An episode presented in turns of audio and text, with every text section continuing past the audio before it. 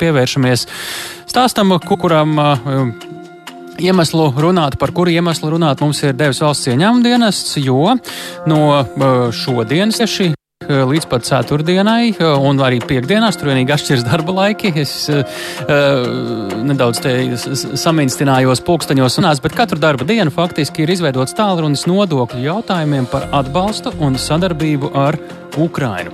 Un tieši tāpēc arī mēs uh, esam uh, pie klausulas uz sarunu aicinājuši valsts ieņēmuma dienas nodokļu pārvaldes direktoras vietnieku Mārtiņu Kalniņu. Labdien! Labdien! Nu, kas tad ir Labdien. tie temati un uh, tie uh, jautājumi, uh, par kuriem uh, ieņēmuma dienests uh, vai kuru dēļ ieņēmuma dienests ir atvērts šo īpašo tālruni? Mēs vēlāk nosauksim šo numuru. Uh, kas ir tas, kas jūs pamudināja šādi rīkoties? Uh. Um, jā, nu jāsaka, lai operatīvi informētu un palīdzētu iedzīvotājiem, uzņēmējiem, kurus sniedz atbalstu Ukrainai un tās ietājiem, vai kur uzņēmēja darbība ietekmējas karš Ukrainā. Valsts ņēmuma dienestā no šī gada 21. mārta sāk darboties īpaši tam izveidotas tālrunis jautājumiem par atbalstu un sadarbību ar Ukrainu.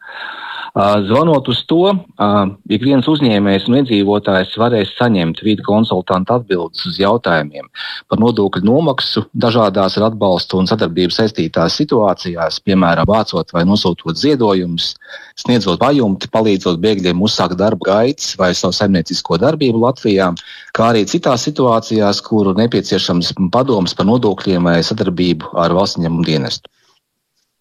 Jā, kas tad ir varbūt jau detaļās nedaudz precīzāk tie temati, kas, ko jūs varat, kuros jūs varat palīdzēt? Jau nedaudz varbūt detaļās ieskicējot tematu un arī kas tad ir tas, kas tur cilvēkus var interesēt vai arī viņiem dot saprotamāku situāciju?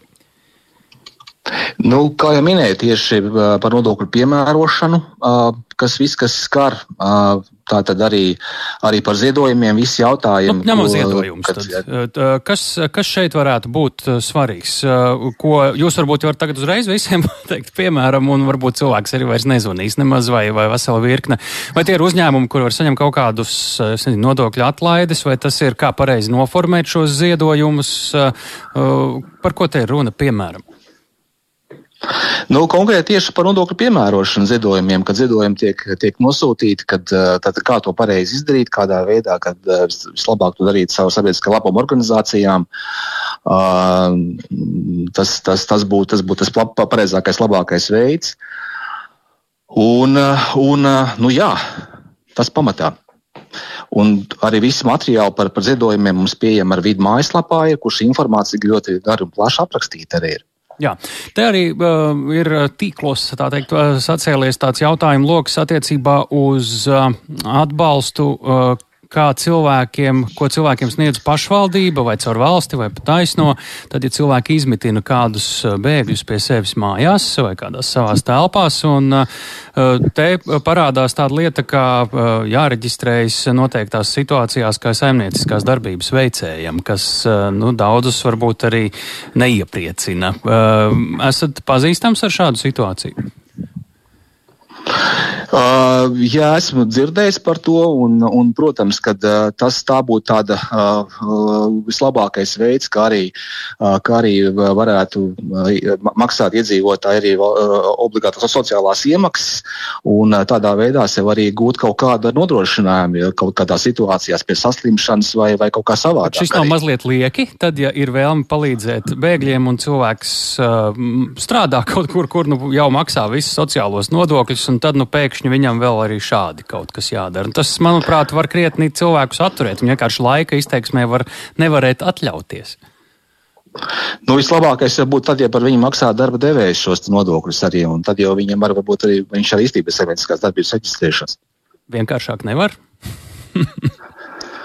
nu, diemžēl, diemžēl mēs katrā ziņā par to domājam šobrīd arī, arī visus iespējamos variantus, lai pēc iespējas atvieglot arī, arī Ukraiņas iedzīvotājiem, bēgļiem ar to situāciju, lai viņiem pēc iespējas mazāk būtu mm, jādomā par kaut kādām grāmatvedības lietām, par kaut kādām atskaišu iesniegšanām, lai nu, pēc iespējas būtu tas viss process vieglāks.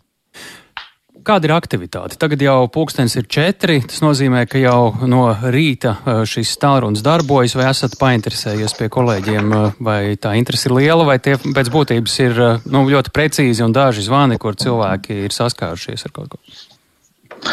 Uh, jā, interese jāsaka, ir diezgan, diezgan liela. Ir līdz, līdz pūkstens, pūkstens diviem dienā bija ap, ap 40 zvani, uh, tieši kas uh, attiecās uz uh, Ukrainas jautājumiem.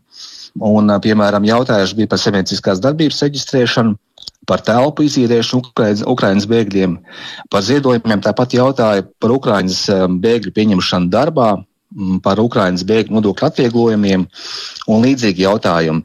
Bet jāsaka, ka ļoti daudz arī uz, uz šo telefonu numuru, ko mēs neesam nosaukuši, uz to arī zvanīja arī nu, pilnīgi par citām tēmām, kas bija neatbilstoši šai tēmai, šim tālrunim arī. Un te man arī būs, kā saka, liels aicinājums ar tomēr par visiem citiem, kā saka, vidu kompetences jautājumiem, kas tieši nav saistīti ar situāciju Ukrainā, ka lūdzam zvanīt uz, uz, uz līdzinējo konsultīvo tālruni. Nu, ir valsts ieņēmuma dienestam tālrunis. Es pats esmu tur zvanījis, un tas tiešām strādā vēl labāk, esot rakstīt vispār. Bet, nu, tā, par to ir cits stāsts. Es domāju, mēs tagad varam droši ķerties klāt pie šī īstā tālruņa nosaukšanas un atgādināsim arī laikus, kādā tas darbojas, lai cilvēkiem nesajūg, jo ir lietas, kas ir visu diennakti, tā teikt, bet šis, tas, šis nav tas gadījums. Jā, tātad tālruņa numurs ir 67, 12, 00, 12.